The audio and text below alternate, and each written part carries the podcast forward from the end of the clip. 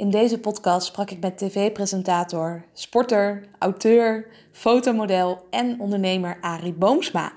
Op dit moment heeft hij drie sportscholen in Amsterdam onder de naam Vondel Gym.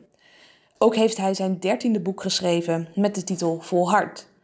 Als je hem volgt op sociale media, dan weet je dat hij van alle markten thuis is en zelf fanatiek traint op fysiek en mentaal vlak. Ijsbaden, ochtendroutines en workouts in de natuur, alles komt voorbij. In deze podcast nam Arie me mee in zijn levensverhaal. Hij deelde hoe hij in Amerika terecht is gekomen op jonge leeftijd en waarom hij terug naar Nederland kwam. Ook zijn reis als tv-presentator deelde hij en waarom hij hier nu mee is gestopt. Vandaag de dag focust hij zich op het ondernemen, het vaderschap en zijn persoonlijke ontwikkeling.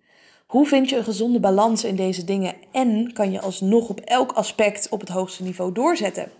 Hoe ga je om met deze pandemie en hoe kun jij je fysieke en mentale weerbaarheid verhogen, ondanks alle omstandigheden? En hoe kun je jouw nieuwe, gezonde levensstijl volhouden zonder terug te vallen in oude patronen? Plus dat je plezier blijft hebben in je nieuwe, gezonde manier van leven. Nou, wil je hierachter komen? Luister dan naar deze podcast. Ja, Adi heet ik, Boomsma. Sportondernemer. Vondel Gym is mijn bedrijf. Sport eigenlijk al mijn hele leven Vroeger betekende dat vooral veel klimmen, klauteren, eh, voetballen, basketbal later. In Amerika gebasketbal, daar echt de liefde voor, uh, voor het ijzer, voor uh, krachtsport en conditiewerk. ja, die is daar echt geworteld. En ehm, onbewust mijn hele leven gekeken naar gyms en naar concepten en naar aanpak. En, en, op een gegeven moment gedacht, ik ga zelf iets openen met een stel vrienden. Ja. En ehm, dat is eigenlijk het verhaal. En nu is sport eigenlijk mijn grootste ja, deel van mijn werk, zeg maar. Mhm. Ja, dus ik, heb altijd heel veel televisiewerk gedaan, veel programma's gemaakt. Dat doe ik nagenoeg niet meer. En, uh, vol op het ondernemen en de sport, waar ik het meest voldoening uit haal. En uh, daaruit voortvloeit ook van alles. Dus uh, naast die gyms schrijf ik boeken, doe ik lezingen, presentaties en dan sport ik veel. Ja, ja, dat is eigenlijk een beetje in een nutshell. En ik, en ik ben vader van drie kinderen. En, ja, dat, dat is eigenlijk alles wel, denk ja, ik. Een stukje focus ook, dat je nu gewoon bezig bent met sport en niet allerlei andere randzaken. Nee, het, is, het gekke is, ik heb een heel groot van mijn leven echt heel veel ja gezegd op alles. Omdat het ook weer heel veel creëerde en omdat ik het belangrijk vond om meters te maken. Ik heb programma's van jou bijvoorbeeld gezien en jouw ja. als ik ook in de Mens Help. Ja, ja, ja. ja. Ja, en uh, ja, programma's maken heb ik nou ja, ik doe het nog steeds wel een beetje, maar heb ik fulltime, dat ik er echt vijf, zes per jaar maakte, um, zo'n jaar of twaalf lang gedaan. Uh, met heel veel plezier en ik ook echt trots op wat ik mocht maken, vaak maatschappelijke dingen. Ja, het had wel betekenis daar. Ja, uh, ja. Ja, dat was wel uh, voor mij het belangrijke. En dat, daar zit ook nu nog wel het raakvlak, merk ik. Dat de maatschappelijke betrokkenheid, die, die vertaal ik ook wel heel erg naar de gymcultuur en naar hoe we Vondel Gym bouwen en wat belangrijk is aan een, aan een gym en dan hoe je omgaat met mensen. Ja. Dus het, het, raakt elkaar nog wel heel erg. En, maar televisie is zo tijdsrovend. dat je programma's maken, ja, dan ben je gewoon uh, lange dagen weg. En, en nu met mijn gezin en het bedrijf, dat, kan gewoon niet meer. Dus, nee, dan gaat het waarschijnlijk ten koste van elkaar als je dat zou blijven doen. Ja, ja, ja. en ik, ik merk ook wel dat ik wat moeite begon te krijgen met het hele medium, televisie en de, de dynamieken en de mechanismen die daar spelen van de, de, de politiek en de, het ouderwetse ervan ook wel een beetje. Dat, mm -hmm. Ik had heel sterk de behoefte om gewoon te kunnen maken wat ik wil. En, uh, te doen wat ik wil in dat opzicht. En dat lukt in het ondernemen heel goed. En dan kunnen we ook veel kwijt met de gym, maken we ook series. En, uh, dan kies jij wat online komt. Ja, ja. Dan zit jij achter de schermen. Ja, ja. Dus um, ja, dat is eigenlijk uh, in een nutshell waar ik mee bezig ben. En kinderen nemen heel veel van mijn tijd uh, in beslag, gelukkig ook, want dat vind ik erg leuk. Maar wij verdelen thuis redelijk goed. Dus mijn werkdagen zijn nu in mijn leven, terwijl nou, die 10, 12 jaar echt 6, 7 dagen in de week aan het beuken was. Uh, vaak s'avonds nog weg. Uh, heb ik nu eigenlijk de stelregel dat ik niet s'avonds werk. Dus ik ga zelden het land in voor presentaties of, of andere dingen. Heel af en toe voor opnames ergens aanschuiven bij een talkshow. Maar liever niet s'avonds weg van huis. En, en ik ben grote delen van de dag ook thuis om voor de kinderen te zijn. Mm -hmm. Te zorgen. dus dat is wel echt een groot verschil met, met hoe het altijd was. Ja, bepaalde regels nu voor jezelf bedacht voor het ondernemen van hoe wil ik het doen, hoe wil Ja. ik het eigenlijk inrichten. Ja, ja. Dat herken ik ook wel heel erg. Ik vind het heerlijk om hard te werken en lang te werken.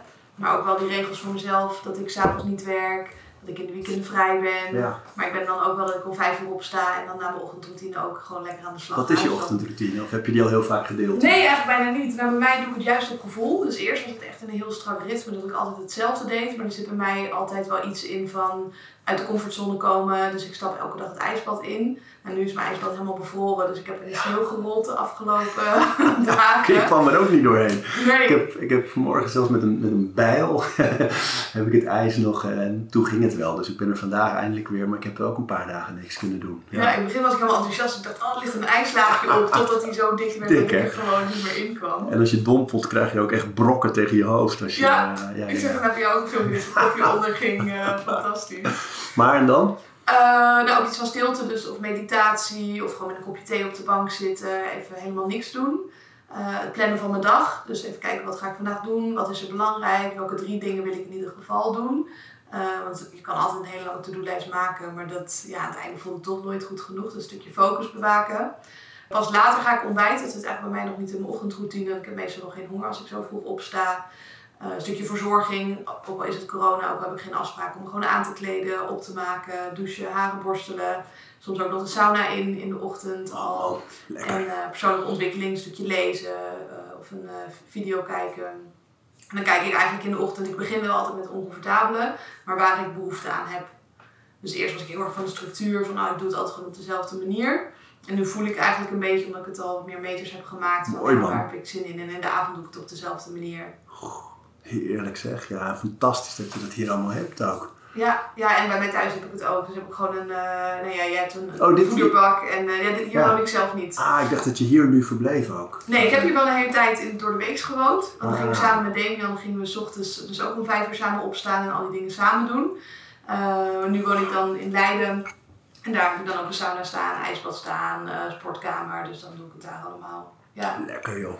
ja, dat heb ik wel gemerkt van deze tijd dat waar je bent, je, je thuis is eigenlijk heel erg belangrijk. Dat, is dat je daar alles hebt wat je nodig hebt en niet Ja. helemaal afhankelijk bent Ja. van... Nou ja, Ja, en ook dat je, dat je dat durft te creëren. Dat je, ik denk dat heel veel mensen daar nu tegenaan gelopen zijn van... Je huis is een fijne plek, dat- als het goed is geldt dat voor iedereen. Maar je mist daar wel dingen die je eigenlijk elke dag wil hebben of nodig hebt. Dat je, wij hebben op een gegeven moment, mijn vrouw en ik, we woonden in Amsterdam.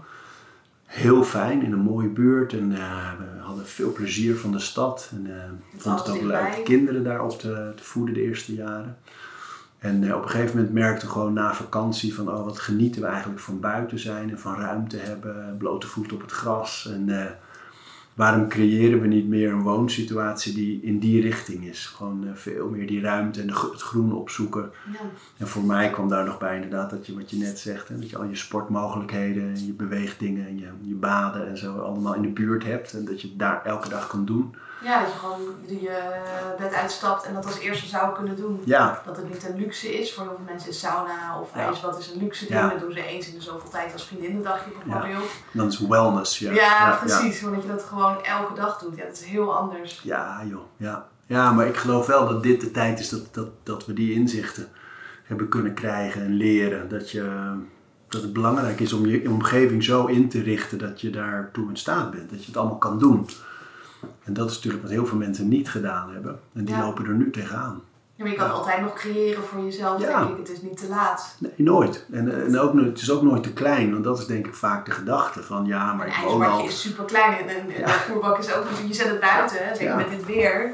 Dan eh, hoef je geen ijsmachine te hebben om het te koelen. Of dan hoef je Nee. helemaal geen... En anders douche je koud, weet je. Dat is ook wel, eh, dan heb je al iets. Precies. Alles kan, ja. Ja, want hoe ziet jouw ochtendroutine eruit? Nou, nu is die echt anders, omdat de ochtend wordt echt bepaald door de kinderen. Ja, kan me voorstellen. En eh, mijn kinderen zijn alle drie onder de vijf. Tenminste, mijn dochter is vijf en mijn zoon drie. En mijn eh, jongste dochter eh, acht maanden. Mhm.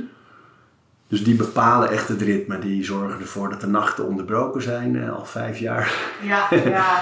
En dat de ochtenden meestal rond zessen beginnen, maar ook wel eens rond vijf en heel af en toe tegen zevenen. En zij zijn als eerste wakker. Dus ik, eh, ik heb een tijdje geprobeerd om dat voor te zijn. Alleen uh, dan zou ik echt richting half vijf moeten en zo. En dat vind ik uh, in mijn leven nu geen uh, geschikt tijd. En dan zou je als je acht uur slaapt wil rond half negen naar bed gaan. Ja, en ik ga wel vroeg hoor. Ik ga nu ook wel meestal zo rond half tien al wel in bed liggen met een boek. Ja. Um, of we kletsen wat, of we zijn samen, weet je wel. Dat, maar in ieder geval vroeg uit. En, ja. De wind zit aan de voorkant, denk ik altijd. Je moet daar die avond heb je onder controle en die ochtend is, uh, ja, die, die is elke keer anders omdat die kinderen bepalen.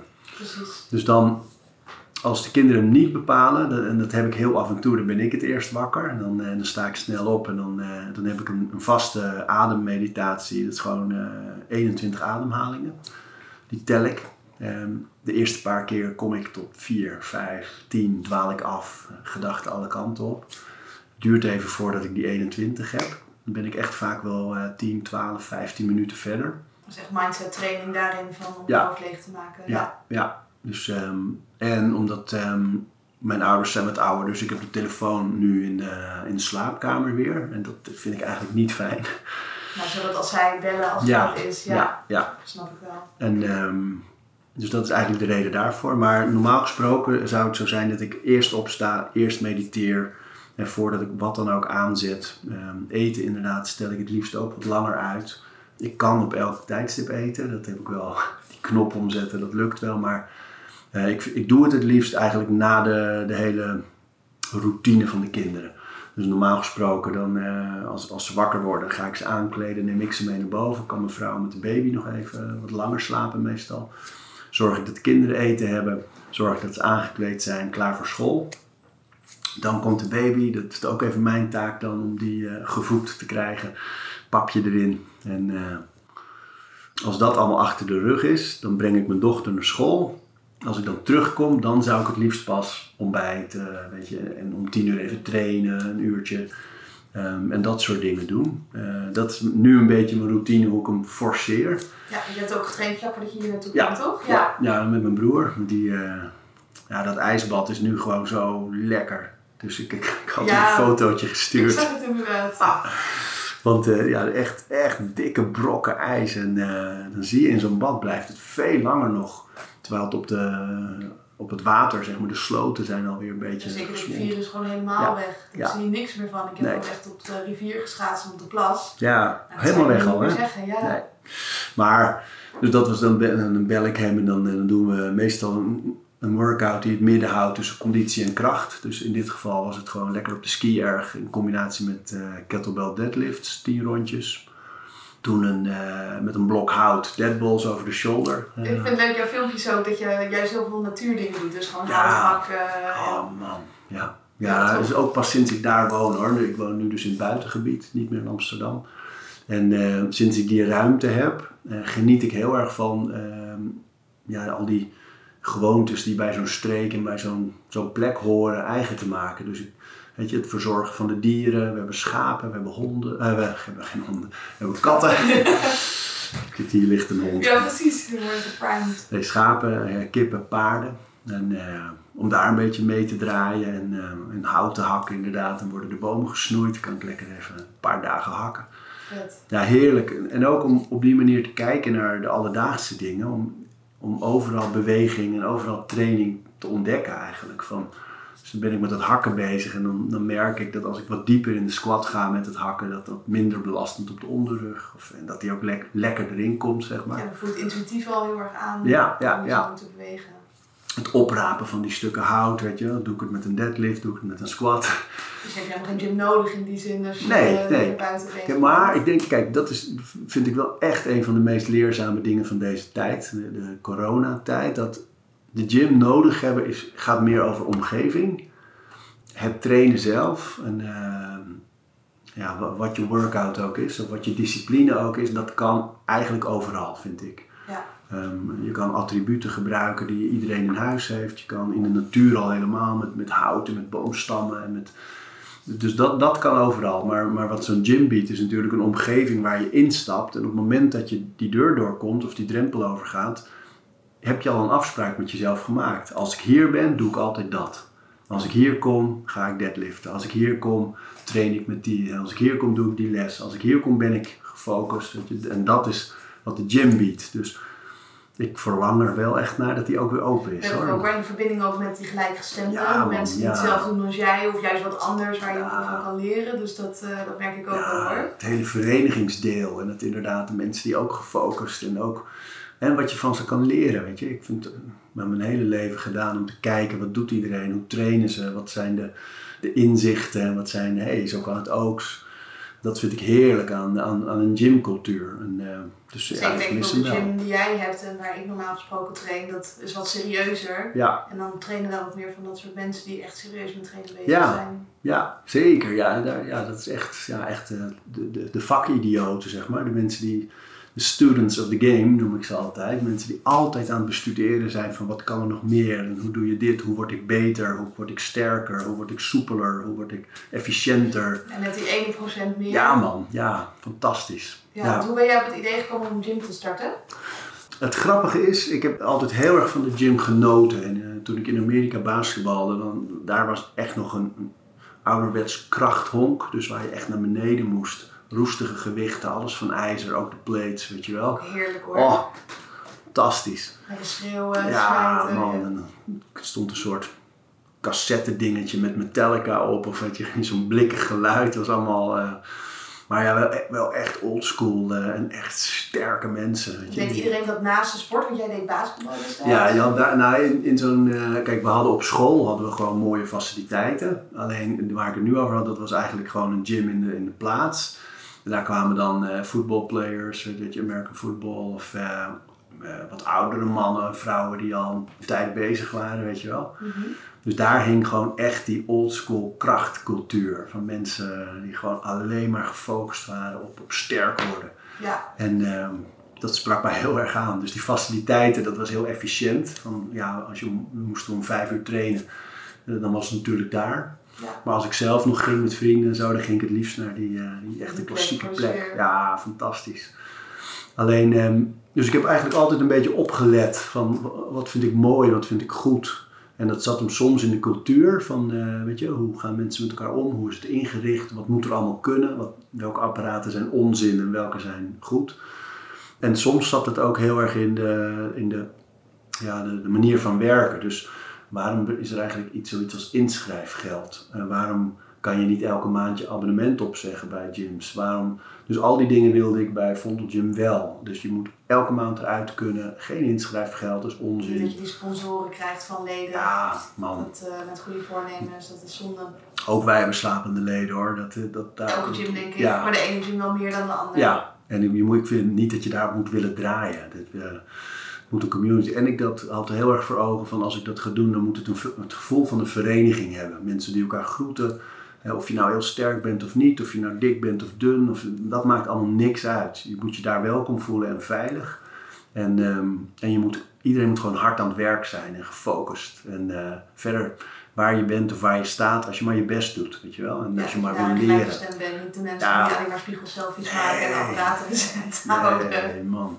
En ook gewoon niet te veel apparaten, weet je, al die begeleide bewegingen. Losse gewichten. Ja, Ja. want bij jou, wat voor soort mensen trainen er voornamelijk? ja het is, kijk, er zijn bijna 6000 leden, dus dat is heel uiteenlopend hoor. Ehm, wij hebben vijf disciplines: CrossFit, fitness, en de fitness is dan onderverdeeld in eh, powerliften, eh, weightlifting, circuits en bootcamp, weet je, dat valt allemaal onder fitness, vrij trainen. Dan hebben we yoga, hardlopen en eh boksen, kickboksen. Dat zijn eigenlijk de vijf disciplines en, ehm, en daar wordt de hele dag door groepsles in gegeven. Dus s ochtends om 7 uur de eerste groepslessen in die disciplines en dat gaat zo de hele dag door. Ehm, uiteraard met pieken en dalen, maar de pieken lopen redelijk lang door elke dag. Hoe groot zijn de groepen dan? Ehm, bij boksen, kickboksen kunnen er 30 mensen in een les. Dat is on, verreweg onze grootste groep.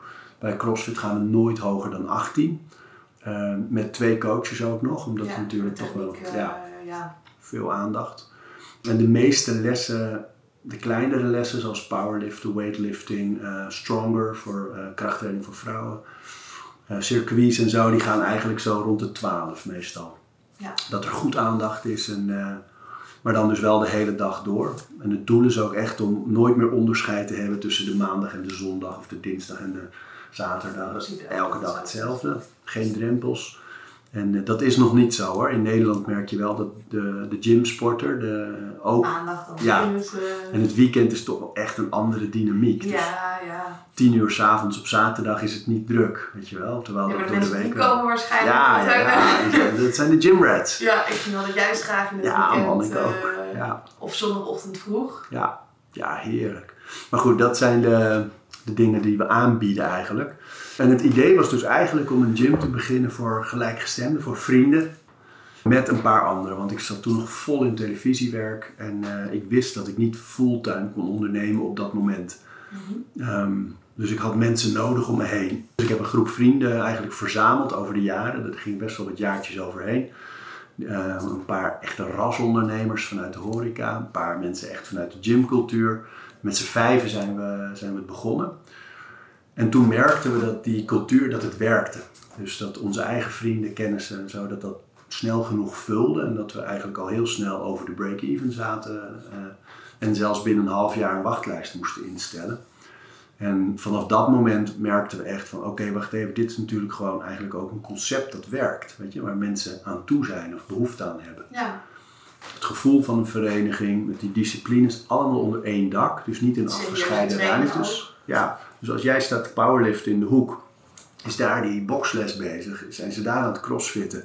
Hier verzamelt een groepje om te gaan hardlopen. Er zijn mensen in de, yoga's, in de yogaruimte. En dus allemaal onder één dak. En dus je voelt overal die energie. En dat is denk ik wat het kenmerkend maakt. Dat als je binnenkomt op een druk moment, dan, dan zie je eigenlijk een soort massa aan bewegende mensen aan het trainen. En gewoon gefocust en goed. En, eh, dus dat werkte. En toen hebben we gekeken, nou dan gaan we een tweede proberen. En dat ging ook heel snel. Elke keer als de gym eh, op dat moment van die wachtlijst komt, dus er kan pas iemand in als er iemand uitgaat, dan eh, openen we een nieuwe. En eh, dus het is ook veilig bouwen dan. We hebben ook helemaal geen haast. Het gaat niet om meer of zo. Of, nee. Moet maar dat- goed. Ja, je wil gewoon die mensen een plekje kunnen geven. ja, ja.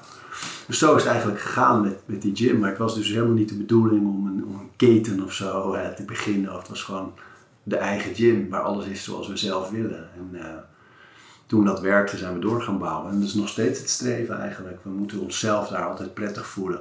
Een mooie verhouding tussen mannen en vrouwen moet er zijn. Eh, het moet er rauw uitzien, maar schoon zijn. Weet je wel, een gevoel van de vereniging en, en hard trainen in die disciplines. Ja, dat zit nu alleen nog in Amsterdam, toch? Alle gyms. Ja, ja. Gaaf. Ja. ja. Ja, en er zit ook heel veel verdieping in, in alle mogelijkheden die zo'n gym biedt op maatschappelijk vlak. Dus we hebben bijvoorbeeld een youngsterstak waarbij we eh, met, met kinderen echt trainen van 4 tot 17 in verschillende groepen. Mhm. Werken we veel samen met scholen, met de gemeente. Eh, hadden we op de stadspas, dus dat je als je stadspaskind bent in Amsterdam kon je gratis eh, Ja, die meedoen. Rotterdam natuurlijk ook. Stadspas. Ja, ja. En ehm, dus dat vind ik wel heel mooi, dat zo'n gym ook die maatschappelijke rol kan spelen. We doen een project met eh, een van de ziekenhuizen, waarbij mensen die uitbehandeld zijn, eh, kanker, ehm, allemaal samen komen trainen. Dus dan heb je zo'n dag, met, lopen er 80 mensen in allerlei leeftijden, met allemaal kale koppen, en, eh, maar wel allemaal glimlachen op dat hoofd, weet je wel. Dat is zo eh, mooi. Bijzonder. Ja, dus eh, zo, zo genereert het eigenlijk ook weer heel veel, wat, wat niet eens direct met de gym te maken heeft, maar wat wel de gym is. En dat En geeft heel veel voldoening. trainen heeft veel met persoonlijke ontwikkeling te maken. En daar kan natuurlijk iedereen gebaat bij zijn. Met je heel veel lessen, net zoals wat we net al uh, Ja. bespraken van het ijsbad. Ja. Ook de sportschool heeft daarin heel veel lessen voor het leven die je kan leren. Ja joh, ja.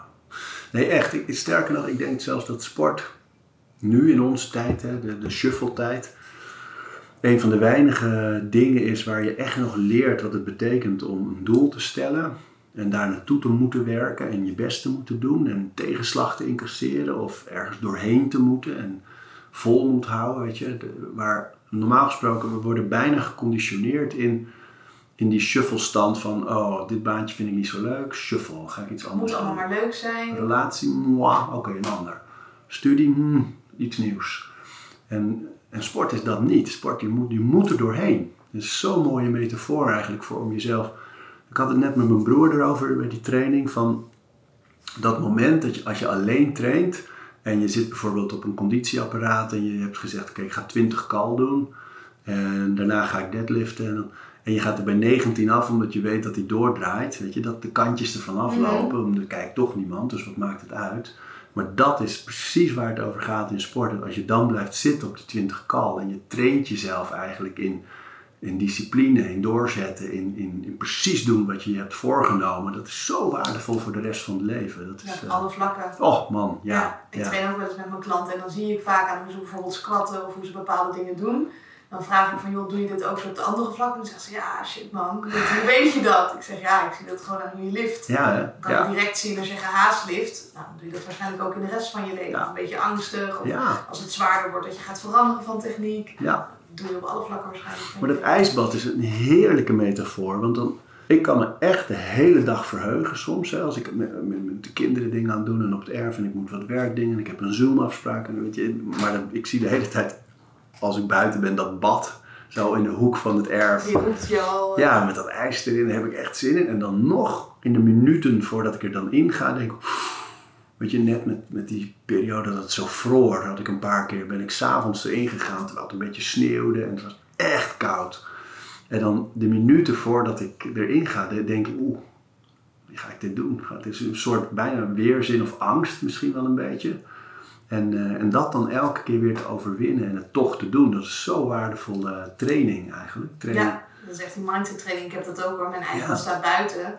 En dan komt mijn reptiele brein met de meest domme excuses. Ik was in januari toevallig jarig. Toen zei hij, ja je bent jarig, nu hoeft het niet. Of, oh de deur heeft moeite om open te gaan. Draai maar om, ga maar weer terug. Nou, dat is echt bizar. Weerstand, weerstand, weerstand. Ja, ik moet ja. altijd wel weer lachen om mezelf. Ja, maar omdat jij weet eh, hoe je er doorheen, dat je er doorheen gaat. Ja, Maar, de- maar veel mensen ha- haken dan ook echt af. Die gebruiken dat excuus. Weet je? die denken dat ze dat zijn. Die denken Ja. van, oh nee, het is inderdaad geen goed moment. Ja. Ik wacht er even mee. Ja, Ja, uitstellen, afstellen, eh, niet doen. De makkelijke weg kiezen. En, eh, dus dat, ik vind sport en alles wat daarbij hoort, want voor mij hoort die ijsbaden horen daar net zo goed bij. En, heel veel andere dingen die ook diezelfde exercitie doorlopen.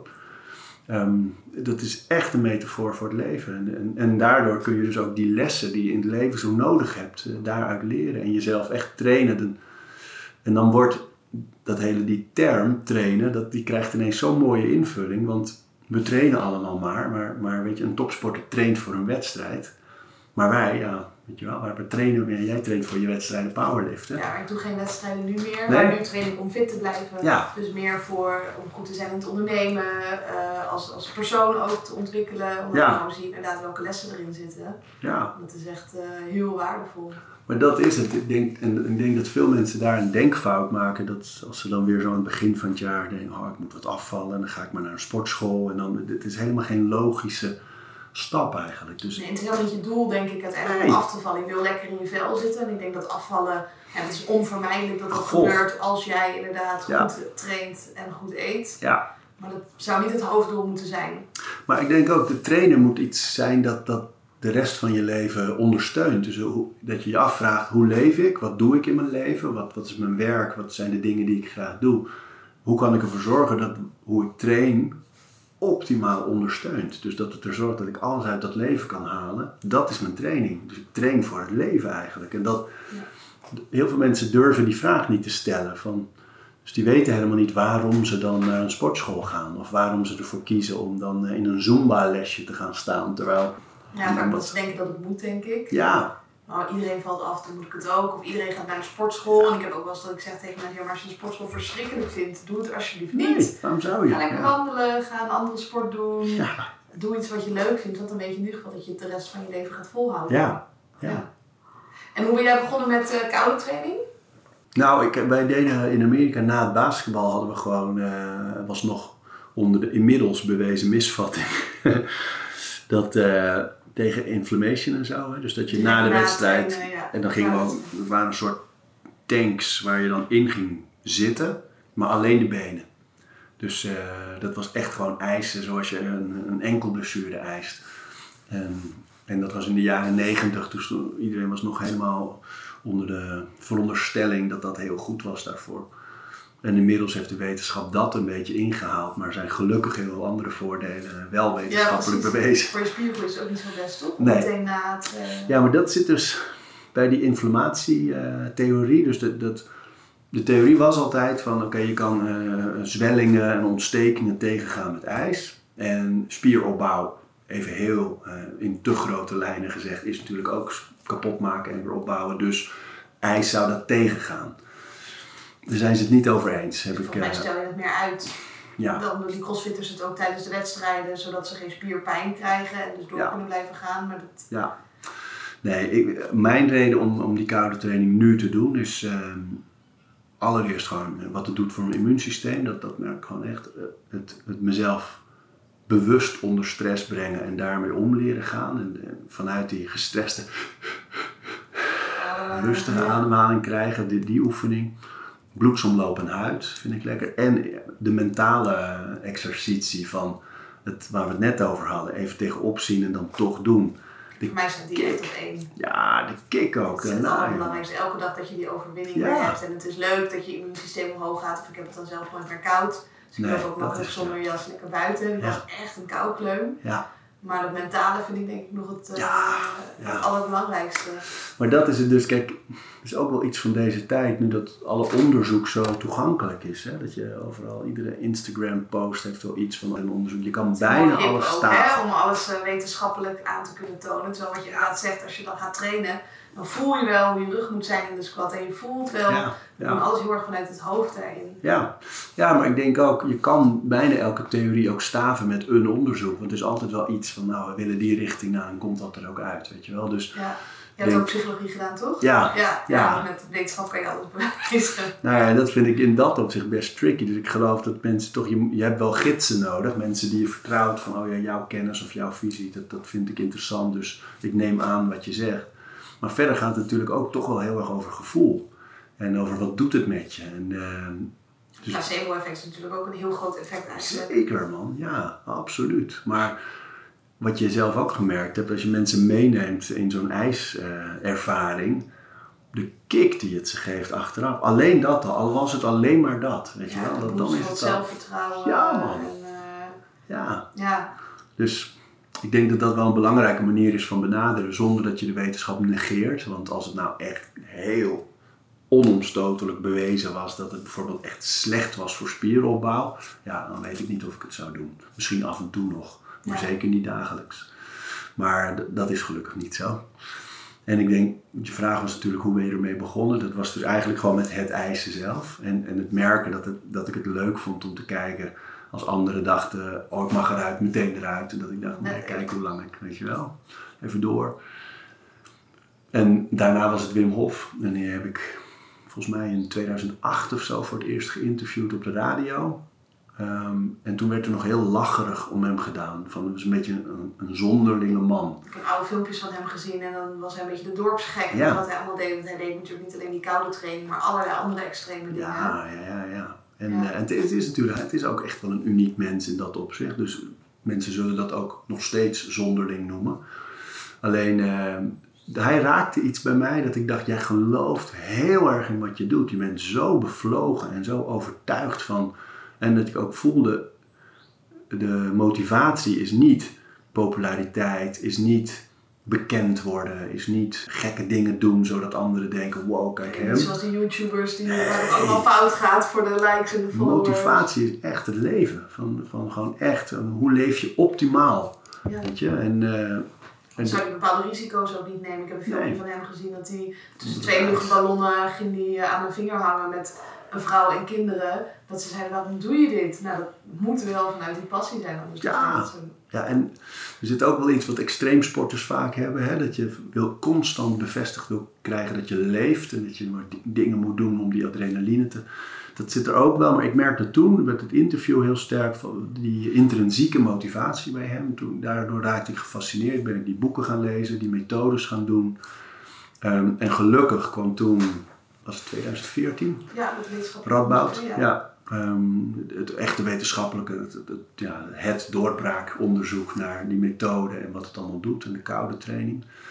En dat was eigenlijk voor mij het moment dat ik dacht, nu ga ik het echt implementeren. Alleen ik had niet zelf een bad, dus dat was vooral veel clinics doen, waar het maar kan, zo'n bad in. In de winter lekker het water opzoeken. Veel koud douchen, lang koud douchen. Ademhalingsoefeningen? Ademhalen altijd erin gehouden vanaf dat moment. Ja, ook wel eens periodes dat ik het niet dagelijks doe hoor. Maar nu al heel lang wel. En eh, dus dat is eigenlijk hoe dat allemaal begonnen is. En eh, het heeft ook wel een beetje parallel gelopen aan mijn eigen visie op. Weet je, als je net begint, ik begon op mijn veertiende met krachttraining, dus dat is eh, Jong. 32 jaar geleden. Ja, kocht ik mijn eerste Kettlerbankje van eh, Krantenwijk Geld. En had ik op zolder staan. En die- hij kon net schuin voor incline en plat voor. eh, En verder was er niet veel. Misschien kon je er nog een military op doen. Seated shoulder press. Dat was eigenlijk het eerste. Ik wist niet echt hoe ik het deed. Ik wist alleen wel dat ik mijn beweging al lang moest maken. En, eh, maar goed, en verder had ik Rocky en de sterkste man eh, op, op de wereld had je zo. nou, dat was de sterkste man ter wereld bij de Tros. Zo'n zo'n soort televisieprogramma dat ze allemaal crazy strongman stuff deden. Dat waren mijn referenties. Er was nog geen YouTube, er was geen Instagram. Dus er was weinig kennis voor mij in, eh, toegankelijk.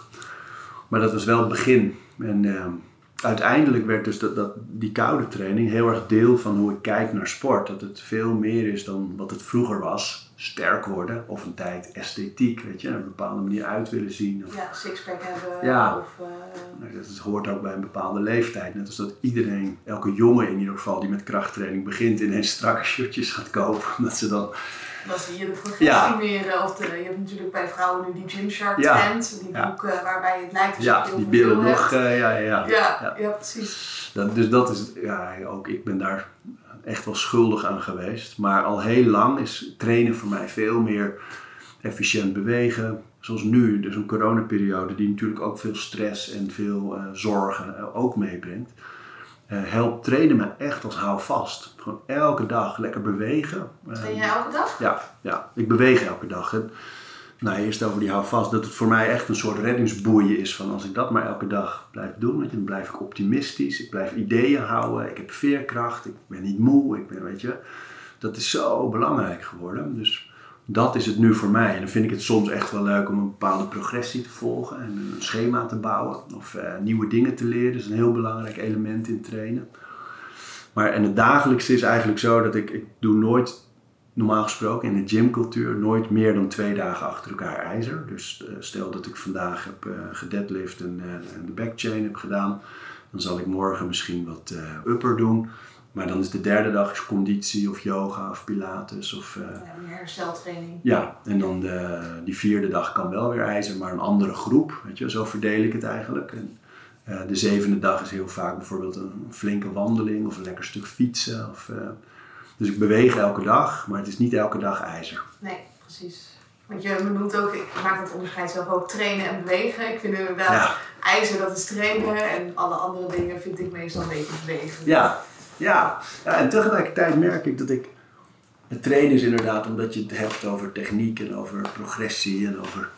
Maar ik, ik, vind, ik merk wel dat ik heel erg. eh, de laatste tijd, als ik met anderen heb over training, en met name de minder bedreven mensen, dat ik wel heel erg vanuit beweging denk. Omdat ik het zo leuk vind om ze te laten zien dat die bewegingen, die klassiekers waar we zo van houden, met de squat en de deadlift en de, en de press, dat dat dagelijkse bewegingen zijn die je de hele dag door maakt Ja, als eigenlijk. we hier opstaan strakjes, dan Ja. eh, hebben we ook een squat. Ja, Als we dingen rapen iets op, oppakken, we duwen iemand weg, of we tillen iets. Of, tillen eh, je je. boven je hoofd. Ja, eh, en dat vind ik wel heel leuk. Dat, eh, uiteindelijk is trainen natuurlijk gewoon je dagelijkse beweging op weerstand. En dat is, eh, een, vind ik een mooi inzicht.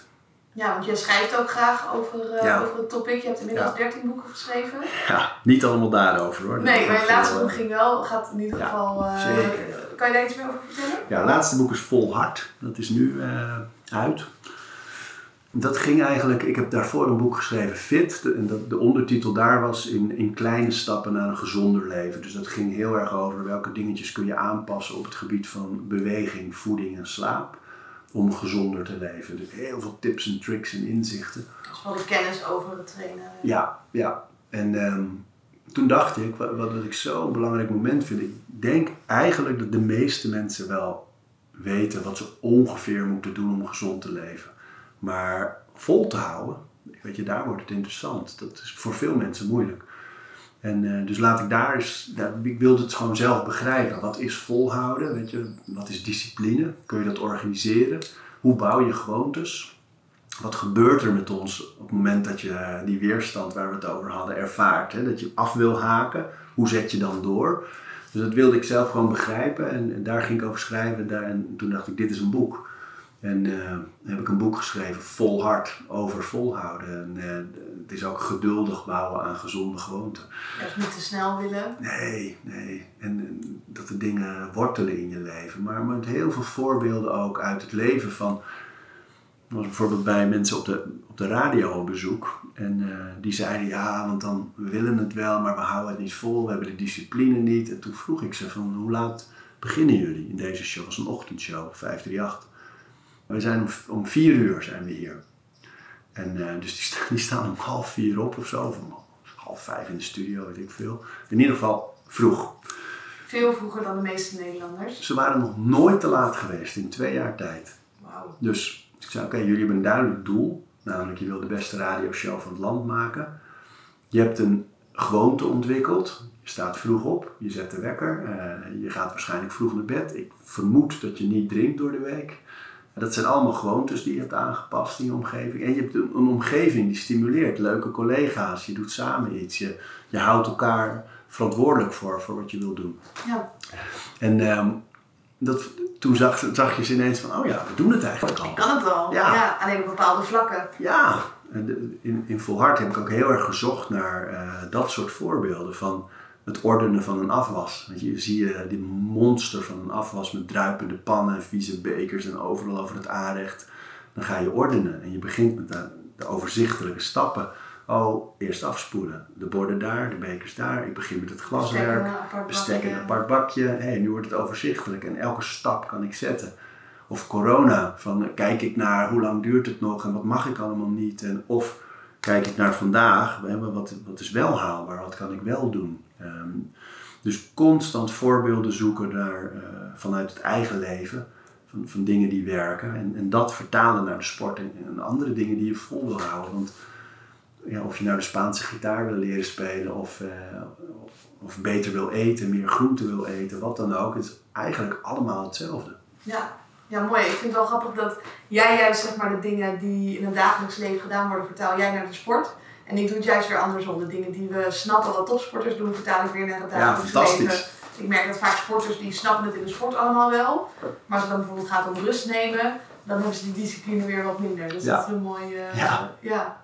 Want hoeveel boeken heb jij? Heb je enig idee hoeveel je er al hebt verkocht? Of hoe dat. eh, Nou, van Volhard komt nu een vierde druk, dus Oh, dat is ik mooi. zag dat je aan het tekenen was bij Paagman. Ja. eh, leuk. Ja, boekhandels het natuurlijk zwaar, dus het is Ja. leuk om ze tegemoet te komen als ze initiatieven tonen. En het is sowieso een lastige tijd. Corona beheerst het nieuws zo dat mensen die nu met boeken komen, hebben het echt wel moeilijk om ze te promoten. Dus ik ben heel blij dat dit boek raakt iets in de tijd, dat mensen voelen, het gaat ook wel over nu.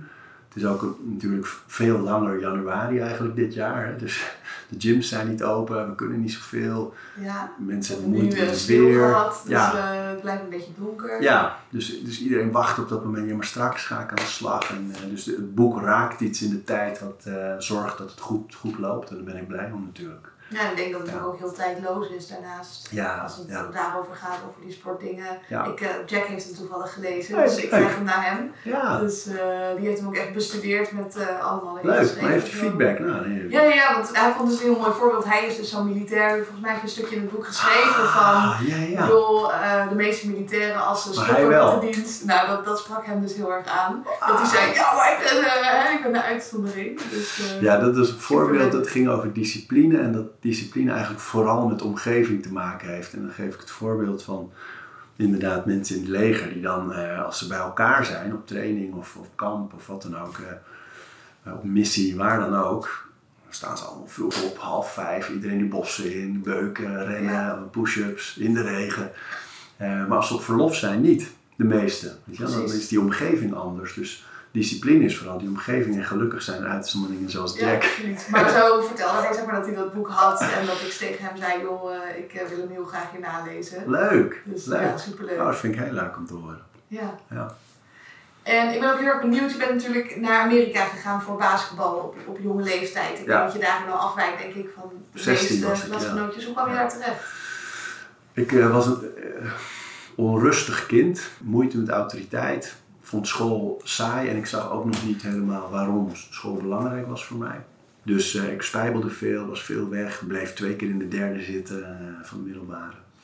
En eh, toen moesten mijn ouders kiezen van, ja, gaan we nou eh, een soort internaattraject in of gaan we speciaal, nee, ja, weet je, gaan we naar, ik zat op de HAVO. Terwijl ik eh, gymnasiumadvies had op de basisschool. Dus ze dachten, ja, we gaan niet nu naar de MAVO doen. Omdat dat... Nee, de, Ehm, de brains heb je. Ja, Ja, dat vonden zij allemaal. Hè? Maar ik had daar helemaal geen beeld bij. Het maakte me ook niks uit. nee. En, dat wordt dan ehm, op die leeftijd een beetje voor je bepaald. Ja, alleen ze dachten ook, van als we hem nu uit deze omgeving halen, dan kan er ook wel iets gebeuren. Dus toen ik zei, ik wil heel graag basketballen. En dat kan in Amerika het beste. En mag ik naar high school? De- toen dacht nou misschien is het geen gek idee. Want dan ben je eens even weg van alle vriendjes die eh, verkeerde dingen aan het doen zijn. En de eerste kennismaking met drugs en met fietsjes stelen en dat soort ja, kinderdingen. En eh, dus toen dachten we, dat gaan we het toch doen. We, we gaan hem niet zozeer als beloning, maar wel, Nee, laten we maar eens doen. Ja, Dus op mijn zestiende ging ik naar Indiana in een gastgezin eh, een jaar high school doen. Met als doel uiteindelijk op college te komen en een beurs te verdienen. En eh, wel al meteen op high school eh, wilden ze dat ik ging voetballen ook, in plaats van basketballen. En dat was het Oh. seizoen ervoor, omdat ik Nederlands was. Oh, nee, nee, nee, nee. voetbal. Ja. Oh, En je toen dacht lang ik, eh, een voetballer, denk ik. ja, maar toen was het nog niet zo lang. Toen was ik 16 en ik ben na mijn 16 nog 11 centimeter gegroeid. Oh ja. Dus nu ben ik 2 meter, toen was ik nou, ja, 1,90. Best lang al voor een voetballer natuurlijk. Maar nog niet uitgegroeid. En eh, ik dacht, nou ja, dan kan ik mijn conditie lekker voor het basketbalseizoen, dus laat ik het maar doen. En toen ben ik in het eh, voetbalseizoen, ehm, heb ik beide kruisbanden afgescheurd eh, in mijn rechterknie. Ehm, de keeper rolde door op mijn knie en nou ja, wel op tijd gerevalideerd, maar ze konden niet opereren nog, omdat ik nog niet uitgegroeid was. Dus met zo'n brace, en wel klaar, net het begin van het basketbalseizoen gemist, maar wel uiteindelijk dat seizoen kunnen spelen.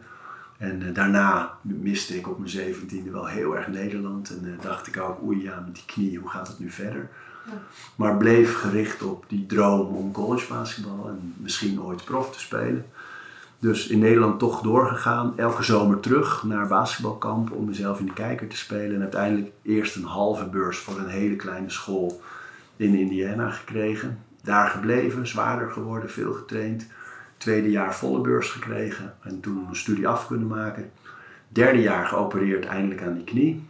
Toen zeiden de artsen met twee kruisbanden, weet je, één kruisband doorgescheurd, kan je goed topsporten, maar twee, eh, moeilijk verhaal. Ik zou overwegen dit niet te lang te doen eh, vanwege de slijtage. Ehm, dus vierde jaar niet eh, gespeeld, wel mijn school af mogen maken. Toen terug naar Nederland, basketbaldroom laten varen op advies van de artsen. Moeilijk, maar omdat er zo'n lange aanlooptijd voor zat, eh, heb ik het goed kunnen accepteren. Nee, ik kon je er op voorbereiden. Ja, maar wel heel erg toen eh, zat de liefde voor krachttraining en training en sport zat zo diep dat ik dat altijd vast ben blijven houden. Alleen die basketbaldroom heb ik dus eh, laten varen. En ik vind het moeilijk om te zeggen moeten laten varen, want alles kan geloof ik. Ja, waarschijnlijk als je echt eh, heel graag had, heel hard had doorgezet, kostte wat kost. Maar ja, de vraag is, ben je ook bereid om de prijs te betalen? Dat was, eh, dat was een hele moeilijke overweging, want ik had toen wel al wat contact met een team in Portugal om daar eventueel te gaan spelen. En eh, nu ben ik 47, dus weet je, ik was al lang klaar geweest met basketbal. Maar toch heb ik natuurlijk in mijn leven wel vaak gedacht, heb ik niet te veel naar de artsen geluisterd? En had ik niet, zoals op andere punten in mijn leven, moeten zeggen, ik bewijs dat ik het wel kan, of dat het wel medisch mogelijk is. Of, eh, dat, dat is wel lang een vraag geweest hoor. En nu is het niet iets wat me plaagt of zo. Ik ben blij met waar ik sta en wat ik doe. En ik kijk terug op een prachtige ervaring, zowel met basketbal als daarna. Eh, maar het is wel lang een vraag geweest. Ja, Ja. Ik kan me voorstellen. ja. Ja, ik heb zelf dat sporten voor mij zo belangrijk is dat ik het er niet voor over heb voor geen enkele sport om blessures te krijgen. Nee, Dus ik nee. heb een tijdje rugby gedaan. Nou, toen ik binnen ja. een half jaar ik drie blessures. Ze zetten mij lekker op de eerste rij en ik mocht iedereen omver eh, beuken, zeg maar. Maar ja, toen merkte ik ook van ja, na drie blessures was ik er wel klaar mee. Want het was niet heel ernstig. Maar ik ja, strakjes breek ik mijn been. Want dat gebeurde ook gewoon op het veld. En dan kan ik helemaal niet sporten. Ik ja, Dat gaan we dus mooi niet Nee, doen. nee, nee, nee, nee, nee. Ja, moeilijk is dat, hè? Ja, maar dat vind ik het fijne van krachttraining. Dat, dat, je hebt heel erg de controle. Terwijl bij contactsporten, Ja. basketbal... Je bent afhankelijk van wat er om je heen gebeurt. Ja, ja en, en jij kan wel goed spelen, maar dat betekent niet dat de anderen dat ook kunnen. Of net iemand onder die enkel of ja, oh, Ja. Hoe ben jij bij de televisie eerst terechtgekomen na je basketbal? Nou, ik deed eh, in dat jaar dat ik dus niet meer eh, mocht basketballen, ehm, deed ik heel veel in het eh, communicatievlak. Mijn studie was eigenlijk, eh, mijn, hoofd, mijn major, mijn hoofdstudie was eh, behavioral science, dus eigenlijk sociologie. En mijn tweede was communications, dat was het meest algemene wat je kon doen in Amerika. En ehm, in die hoek organiseerde ik debatten ehm, over maatschappelijke onderwerpen. En merkte ik dat ik heel veel genoot van op zo'n podium staan en zo'n zaal in beweging houden en interactie zoeken en eigenlijk het presenteren ook. Ja. Ehm, ik genoot ook heel erg van speechen toen en eh, dat waren gewoon vakken eigenlijk in die richting. Dus toen ik terugkwam eh, na mijn studie, dacht ik, ik ga nu niet nog weer naar school in Nederland. eh, een bachelor was nog helemaal niks waard toen ook, in de jaren negentig. Dus ik dacht, ik ga nu niet ergens nog in een eerste of tweede jaar weer op helemaal opnieuw beginnen. Laat ik eerst eens gewoon kijken wat er gebeurt. Ik werkte in een café. Ik kreeg af en toe een modeklusje aangeboden en eh, dacht, nou, ik verdien wat. En eh, ik ontmoet leuke mensen en ik, ik vind het wel even goed zo. Ja. Kan ik ook even goed nadenken over welke kant wil ik nou precies op. En ehm, van die modeklussen, dat werd steeds meer eigenlijk kleine dingetjes op televisie, maar zonder visie. Dus ik, eh, ik zei gewoon ja op alles dat ik kreeg. En ik kreeg ook heel veel nee te horen. Maar ehm, langzaam kwam daar een beetje richting in. En werd ik gevraagd als omroeper bij een commerciële omroep. En, en dat betekende vroeger dat je eigenlijk de programma's aankondigde. Dus je, eh, zeven keer op een avond live. Eh, gewoon zeggen, alles half acht. Ja, Ja. en dan kwam je weer even. heel licht, heel oppervlakkig werk. Ehm, niet betekenisvol, maar wel heel leerzaam. Omdat ik zeven keer op een avond live en dan zag je weer dat. En dan telde er iemand af en dan zag je weer dat rode lampje op die camera aangaan. En op dat moment eh, moest ik iets zeggen. Dus dan gebeurt het uiteraard ook wel eens dat. Wat moest ik ook alweer zeggen? Live op televisie, weet je wel. Ja. Dus het was heel leerzaam. Een leuk team. En op een gegeven moment werden al mijn collega's, wat allemaal vrouwen waren, ik was de enige man, allemaal zwanger. Dus ik zat ook drie, vier avonden in de week. Ik was flink meters aan het maken. En toen werd dat hele beroep opgeheven. Ik dacht, dat past niet meer bij de tijd, het is te langzaam ook. Televisie moet snel. Toen ben ik de bladen ingegaan. Eh, vertaalde ik een tijdje bladen eh, of interviews voor, eh, vanuit Amerika voor Nederlandse bladen. En ehm, uiteindelijk werd, was het bij de EO, de Evangelische Omroep, die vroegen mij om een programma daar te komen maken. Die hadden me ergens eh, gehoord of gezien in een programma en dachten, hé, hey, die moeten we hebben. En daar is het eigenlijk voor het eerst gebeurd, dat is één van de momenten in mijn carrières, dat ik dacht, nu klopt het, dat ik programma's mocht maken over dingen die me ook echt bezig hielden. Dus Ja, niet zo oppervlakkig omdat je Nee. een leuke stem hebt Nee. een mooi gezicht, maar echt iets met inhoud. Ja, dus dat was ineens dat ik dacht, ah, dit, dit vind ik mooi. Weet je? Het is niet alleen maar het podium, de aandacht of die dingen die erbij hoorden, wat ik ook wel leuk heb gevonden in, in mijn jeugd. Eh, dat was bij basketbal een beetje, later met die kleine dingetjes voor televisie werd het iets meer. Maar bij de EO dacht ik, ah, het gaat in de samenleving en in de media over seksualisering. Ik maak een programma over jongeren en seks. Weet je? En ineens dacht ik, ah, dit is, dit is het. En je hebt natuurlijk ook een programma, dat vond ik heel leuk, dat had je in Amerika van Over de Streep. Ja. Hoe heette dat Ja. ook in Amerika? If You Really Knew Me heet Ja. bij MTV. Ja, Het is eigenlijk eh, cross the line, zeg maar. De, ja, het idee daarvan is, je gaat naar een school, zo'n klas vol kinderen, zien elkaar elke dag, weten eigenlijk niks van elkaar. We hebben geen echt contact. je wist die verbinding. Ja, en het idee achter het programma is dat je een dag lang aan vertrouwen werkt met allerlei een beetje gekke spelletjes, veel plezier maken, maar ondertussen, tussendoor eh, leer je elkaar wel een beetje kennen. En dan komt er een moment dat er een streep wordt gezet, alle kinderen aan één kant, en dan worden er vragen gesteld. Kom je wel eens in aanraking met armoede? Zo ja, loop naar de streep. En ineens lopen er twee kinderen die misschien wel ruzie met elkaar hadden, samen naar die streep. Of maak je je wel eens zorgen om je moeder of je vader, weet je wel? Dat soort vragen, best wel heel persoonlijk. Ben je wel eens bang op school?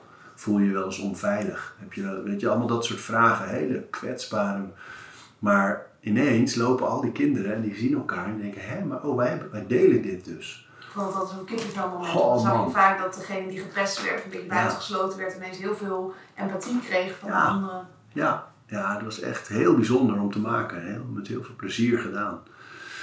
Dus dat zijn allemaal voorbeelden van dingen dat ik dacht, nou nu klopt het. Weet je, dit vind ik waardevolle televisie om te maken. Ik kan, kan mijn hart erin kwijt. Het, is eh, ook goed voor anderen. Eh, dus dat klopte heel lang heel goed voor mij. Ik heb het echt wel 10, 12 jaar lang eh, mogen doen. En eigenlijk pas op het moment dat ik met de sport bezig ging, is, is dat ook veranderd. Dat ik dacht, ja, maar die voldoening is nog directer. Ja. Dus eh, Je zit er nog dichter op. ja, in de gym en er komen mensen binnen en die hebben ook een verhaal. Maar die komen eruit met een rode kop en een glimlach. En die, weet je, het is, er gebeurt iets. En, Ja. eh, en het ondernemen zelf, dat je het helemaal zelf in de hand hebt. We gaan dit doen. En ik hoef niet te wachten tot iemand zegt, ja, mag. Ja. Eh, dan en dan op televisie. Eh, hier is het geld. En, zijn de eh, regeltjes. ja, allemaal niet, weet je wel. Dus dat is heel erg, heel fijn. En heel af en toe mis ik het wel hoor. Om me echt even vast te bijten in een mooi maatschappelijk onderwerp en daar een programma over te maken, een half jaar lang. Weet je wel, dat, heel af en toe mis ik het wel, maar ja, ik, ik moet zeggen dat ik, als ik nu zou moeten kiezen, dan zou ik niet voor tv kiezen en vol voor ondernemen Hoe vond jij het toen je begon met ondernemen? Ja, fantastisch. Ik heb gelukkig twee, eh, met name twee partners eh, in de gym die zeer ervaren zijn, waar ik veel van kan leren. Ik geniet ook heel erg van het luisteren naar podcasts over, over ondernemen en het lezen van boeken. En, eh, en ik, ik merk dat wat voor mij heel goed werkt, is dat ik ben een ideeënman. Ik heb altijd veel ideeën. Ik vind het leuk om na te denken over dingen net even anders doen dan anderen. En dan heb ik mensen naast me staan die heel sterk zijn in hoe doe je dat met boekhouding. Wanneer draag je de BTW af? Wanneer... Die voelden het uit. Ja, ja. nou ja, we vullen elkaar heel erg aan. En eh, dat werkt zo goed voor mij. Dus ik heb een hele fijne creatieve rol in het bedrijf. En eh, we ondernemen met mijn gezicht. Eh, Dus ik ik ben het gezicht van de gym en dat, dat geeft natuurlijk een bepaalde verantwoordelijkheid. Veel mensen kennen jou denk ik ook. Ja, en nu eh, ja, in de sportschoollobby heb ik, een, eh, nou, heb ik de, de, de, de gyms mogen vertegenwoordigen in de media om eh, de gyms weer open te krijgen. Dat was ook leuk, dus ik, ik geniet heel erg van de rol die ik mag spelen in, in mijn eigen bedrijf en, en breder ook in het land om eh, ja, de- onze branche te vertegenwoordigen. Zeg Want je had ook, volgens mij was het op Videoland, dat, dat je met Ja. jou kon sporten Ja, inderdaad. ja, ja. Eh, ik had een aantal mensen die dan met jou Ja. aan het sporten waren. Ja, die ken je waarschijnlijk allemaal, die eh, topsporters ook. Ja, Ja. ja. zeker. Ja, het was heel leuk om te doen. Het is wel, eh, dan merk je wel hoe je kan stoeien met een zender. Hè. Dus Videoland wil, wilde eigenlijk meer wat ze nu doen met, eh, met Gabi Blazer. Blazer Bla- Een beetje aerobics-achtige, doe maar mee, we gaan. En ieder, zit iedereen klaar. 1, 2, 3 en 1 en 2. En dat wilden ze eigenlijk. En ik dacht, Goedemorgen Nederland. Maar Ja, dan-. En dat doen, doen ze heel leuk hoor. Dat is hartstikke ja, leuk. en dat is wat laagdrempeliger denk ik. Ja, en ik wilde vooral, nee, deze mensen die sporten allemaal op een unieke manier. Die hebben kennis die we niet kennen, die kunnen dingen die we niet kunnen. Je, laat dat allemaal zien. Dus dat werd een soort hybride ervan. Ontzettend leuk om te maken, toen vooral, omdat alles ineens dicht was. En die Olympiërs natuurlijk even ook niet meer eh, mochten sporten op hun eh, complexen. Dus het was, eh, was heel leuk om te doen. En eh, dat zijn, dat, daar merk ik wel, dat dan wordt het leuk. Als je tv kan maken met de kennis die ik heb. En dan die nieuwe wereld van sport, zeg maar, eh, erbij. Dat, dat is wel genieten hoor. Ja. Ja. Dus welke plan heb je daarom nog voor de toekomst, voor het ondernemen en de andere? Nou, ik zou het liefst gewoon binnen de gym het, het mediaplatform uitbouwen. Dus dat, dat, ik geloof heel erg dat je je bedrijf en je concept eh, een mediahuis kan zijn ook. Dus ik, ik, ik stel me dan voor dat je je eigen producties, we hadden bijvoorbeeld Stronger Than Your Boyfriend, dat was een serie met sterke vrouwen, daar had je goed in gekund. Ehm, en eh, dat, dat waren korte portretten. Waarom sport je, waarom train je, hoe zit het met het vrouwelijk schoonheidsideaal, weet je wel. Als je er sterk eruit ziet, hè, hoe wordt erop gereageerd door mannen, maar ook door andere vrouwen. Van, hoe ga je daarmee om? Ja. Dus dat waren eigenlijk mooie voorbeelden van vrouwen die niet alleen fysiek sterk waren, maar in hun doen en laten ook iets Dat krachtigs. moet wel, want Ja. je krijgt gewoon feedback van anderen. Ik heb heel vaak opmerkingen gehad van vind je het dan niet erg dat je armen zo groot zijn? Ja, of ja. Kun je toch wel een je armen moeten niet groter worden, want dan voel ik me geïntimideerd van de mannen dan zeg maar. Ja, Dat, ja. ja. Dat is fantastische thematiek. Nee, dus je moet mentaal ook wel groeien, want anders kan jij fysiek Nee. het, het ook eigenlijk niet aan, dan stop je. Ja, nee, Dus over dat soort thema's maken we zelf af en toe series. Maar ik zie het zo voor me dat als we dat uitbouwen, dat je je eigen content dus maakt voor socials natuurlijk. Dat is logisch, dat doen we nu ook al. Maar ook misschien wel voor merken. Hè? Dat, dat uh, MyProtein of uh, Reebok of wat dan ook zegt van nou we willen deze campagne, oh dat kunnen wij maken met deze mensen. Je hebt sporters, je hebt, ja. Uh, ja, oh vet. Dus dat je dat deel uitbouwt, daar zit, zit een hele mooie mogelijkheid. Die maatschappelijke variant met jongeren en met, met ouderen, dat we dat uitbouwen. Dus er zit binnen het, de kern van het ondernemen is natuurlijk gewoon, we hebben een soort sportvereniging waarbij mensen van gemiddeld 32 die gefocust zijn komen. Dat is de kern. En daaromheen zitten al die andere mogelijkheden. En ik, ik vind het spannende aan het ondernemen om te zorgen dat dat spel van die mogelijkheden wel iets oplevert. Hè. Het blijft ondernemen. Ehm, maar dat en dat het niet de kern in de weg gaat zitten. Dat je niet die gym wordt waar alleen maar events met transgenders en uh, mensen filmen, met beperkingen en, alleen maar video's en videoclips gedraaid worden. Dat moet allemaal niet. Dat, dat mag er zijn, maar dat moet nooit dit in de weg zitten. Het blijft, de kern is de basis, die moet altijd sterk zijn en zuiver. Ja. Maar al die dingen eromheen maakt het heel leuk om, om te kiezen. Dit past wel bij ons. Dus trainingen voor 65-plussers past wel bij ons, maar wordt nooit onze kern. Ga je niet meer adverteren bij mensen? Nee. nee. Trainingen met kinderen past heel erg bij ons, maar is niet de kern. En dat, dat onderscheid is belangrijk om te houden, want met name omdat wij zo zichtbaar zijn, komt er heel veel op ons af. Dus de hele dag door schakelen. Willen we dit? Willen we dat? En als je dan niet goed voor ogen hebt welke kant je zelf op wil, dan denk je, ah ja, maar dit is zo mooi, want je, oh, ja, is alles een kans. Ja, oh, doen we. Oh, dat, dat, dat. Ja, ja, Voordat je het weet zijn al die mensen, vaak ZZP'ers, zijn zo bezig met al die randverschijnselen dat, dat die kern eigenlijk een beetje uh, vertroebelt. En dat, uh, dus ik vind het mooi om na te denken over wat maakt Vondelgym Vondelgym. En nu in de coronaperiode was dat een hele urgente vraag van wat maakt ons ons. En dan daar vanuit te bouwen. En waar zitten de mogelijkheden om te verdiepen, te verbreden, contact te maken. Uh, wat doen we met topsport? Uh, willen wij echt een topsportlocatie zijn? we trainen nu uh, top hockeyclubs, top basketbal, best wel veel Olympiërs onder ons dak. Willen we dat uit gaan bouwen en zelf ook? Zoals met CrossFit proberen we een beetje een CrossFit topsportomgeving te bouwen met sponsoring en mensen helpen in hun ontwikkeling willen we dat uit gaan bouwen, is niet de kern, kost veel tijd, kost misschien ook geld. Ja. Maar is wel, heeft wel weer aanzuigende werking op andere mensen. Dus, mensen willen graag bij de topsporters horen. Ja, die denken, perspectief. oh, tof. Ehm. Ja, dus ik vind het heel leuk om na te denken over dat soort dingen. Van al die ideeën, welke verrijken wat we doen. En, en, en, en hoe kunnen we ook de mensen die met ons en bij ons werken helpen. Dat er altijd perspectief is, dat er altijd ontwikkeling is. Dat vind ik het het mooist, maar ook het moeilijkst. Ja, ja dan moet je ook nee zeggen, keuzes maken. En je kan gewoon niet. Neem het pad van een trainer, man, vrouw. Het begint natuurlijk met, oké, ik geef groepslessen, daar uh, krijg ik voor betaald. Ik heb daarnaast PT, daar krijg ik voor betaald. Waar zit mijn ontwikkeling? En waar zit mijn perspectief als ondernemer? Uh, hoe lang doe ik dit? En dan? Dus die en dan vraag, die komt vroeg of laat bij iedereen. En vaak al begin 30 beginnen mensen een beetje zo over na te denken. Van, ben je op je 53ste die personal trainer? Of is, weet je, waar, nog verder groeien. Ja, en dan is niet het antwoord voor iedereen, ja, op een gegeven moment begin je zelf een gym. Of op een gegeven moment ga je opleidingen geven. Of niet iedereen durft het risico te nemen. Nee, dus het is heel interessant om met al die personages, mannen, vrouwen, alles door elkaar te kijken van wat is dan dat pad en hoe kunnen we in de jaren dat we samen zijn, dat je onder ons dak doet wat je doet, elkaar optimaal versterken. En uh, mijn theorie is helpen, helpen, steunen, bemoedigen, ontwikkelen, uh, duwen, uh, trekken, meegaan. en op een gegeven moment komt er een moment dat iemand zegt bedankt, tot ziens. Ik ga daar een gym beginnen. Of bedankt, tot ziens. Ik ga iets heel anders doen.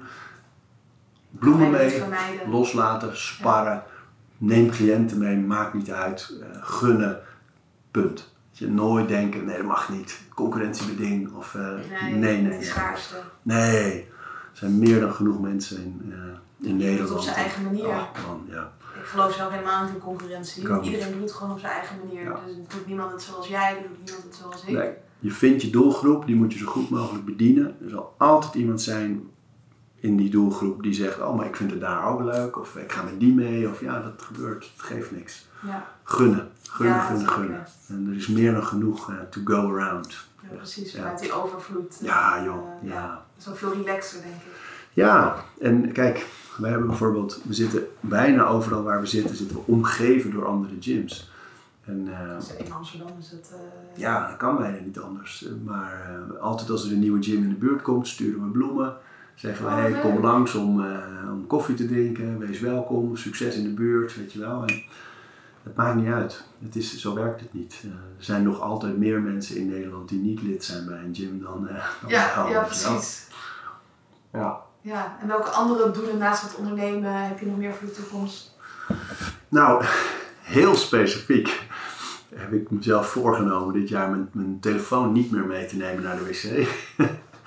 heel specifiek is dat, dat zijn kleine dingetjes. Ik ga zelf ook wat podcasts doen. Dus tot nu toe heb ik dat altijd in, eh, in opdracht gedaan van zenders, omroepen, organisaties.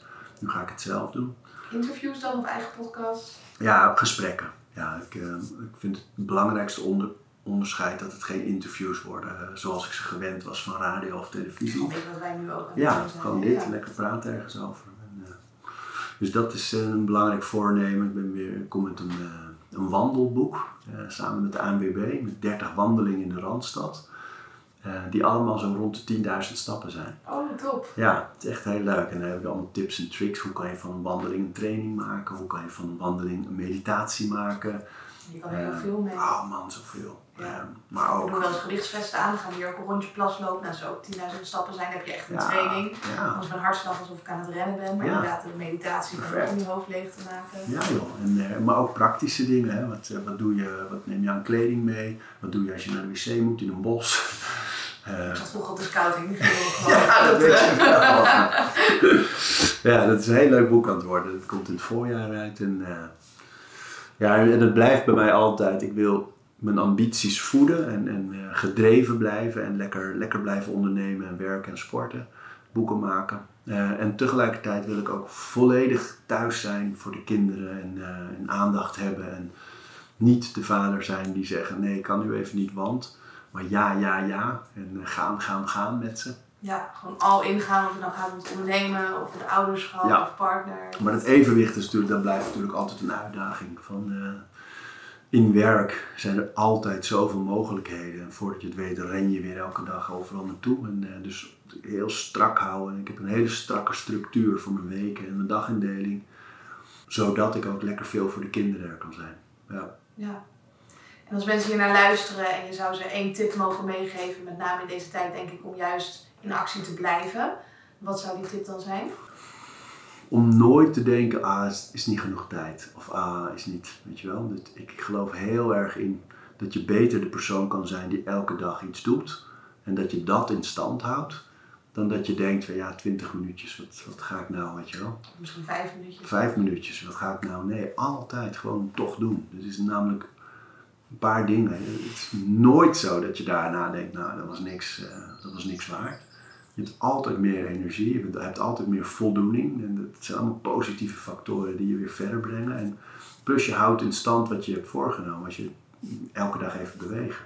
Het kan ook in vijf minuten. En dan Of twee minuten in het ijsbad. ja, ga twee minuten in het ijsbad, maar zorg dat je die, die check kan zetten daarop. Dat, eh, dus nooit te denken, ik heb niet genoeg tijd of ja, dit, dit maakt niks uit, weet je wel, omdat het maar vijf minuten is. Nou, ga maar vijf minuten lang burpees staan doen. Dan ben je wel klaar hoor. Ja. Ja, en, eh, dus er is altijd iets te doen. En, en dat vind ik altijd een heel belangrijk ding om nooit te denken, is niet genoeg tijd. En ik denk dat het ook wel echt een belangrijke tip is om eh, goed onderscheid te maken tussen doelen en gevolgen. Dus waarom, waarom wil je iets echt doen? En dan is afvallen of al die andere dingen zijn allemaal gevolgen van wat je doet en hoe je eruit ziet is een gevolg. En al die dingen, dat is meer een gevolg van wat je doet. Dus waarom wil je dit doen? Waarom, waarom? Dus Die vraag. die, die kracht heel sterk, je waarom. Ja, Dan ja. blijf je het volhouden, want anders val je af en dan stop je weer. Ja, ja. ja en, en eh, ik denk ook als mensen twijfelen van wat is dan mijn ding wat ik, wat ik leuk vind, ja, probeer gewoon zoveel mogelijk testen en toetsen. En, eh, heel wetenschappelijk, hè? Gewoon heel veel testen en Ja. dan komen we achter wat werkt. En dan kies je de winnaar uit. Op een dag kom je ergens uitlopen met een glimlach en denk je, hé, maar dit was het, klimmen. Wow, dat is Ik had het in de sportschool de eerste keer. Pff, echt liefde Ja? op het eerste gezicht. Ja, ik vond het was dat? fantastisch. Ik was toen 18 en toen zat ik eigenlijk nog op kickboksen. En toen ging ik toen met mijn ex gingen we één keer samen naar de sportschool, naar de Fit for Free. En ik had drie oefeningen gedaan en toen ben ik gestopt met kickboksen en ik ben volle bak alleen maar voor sportschool gegaan. Ja, echt apparaten waren dat. Er waren leg pull-downs en een beetje bicep curls. En nou, ik vond het fantastisch. Gewoon het gevoel, die connectie die je met je lichaam maakt. Ja. Dat vond ik echt En onbeschrijfelijk. die ledpool is ook bijzonder, omdat het is zo'n eh, geïsoleerde beweging. Lekker.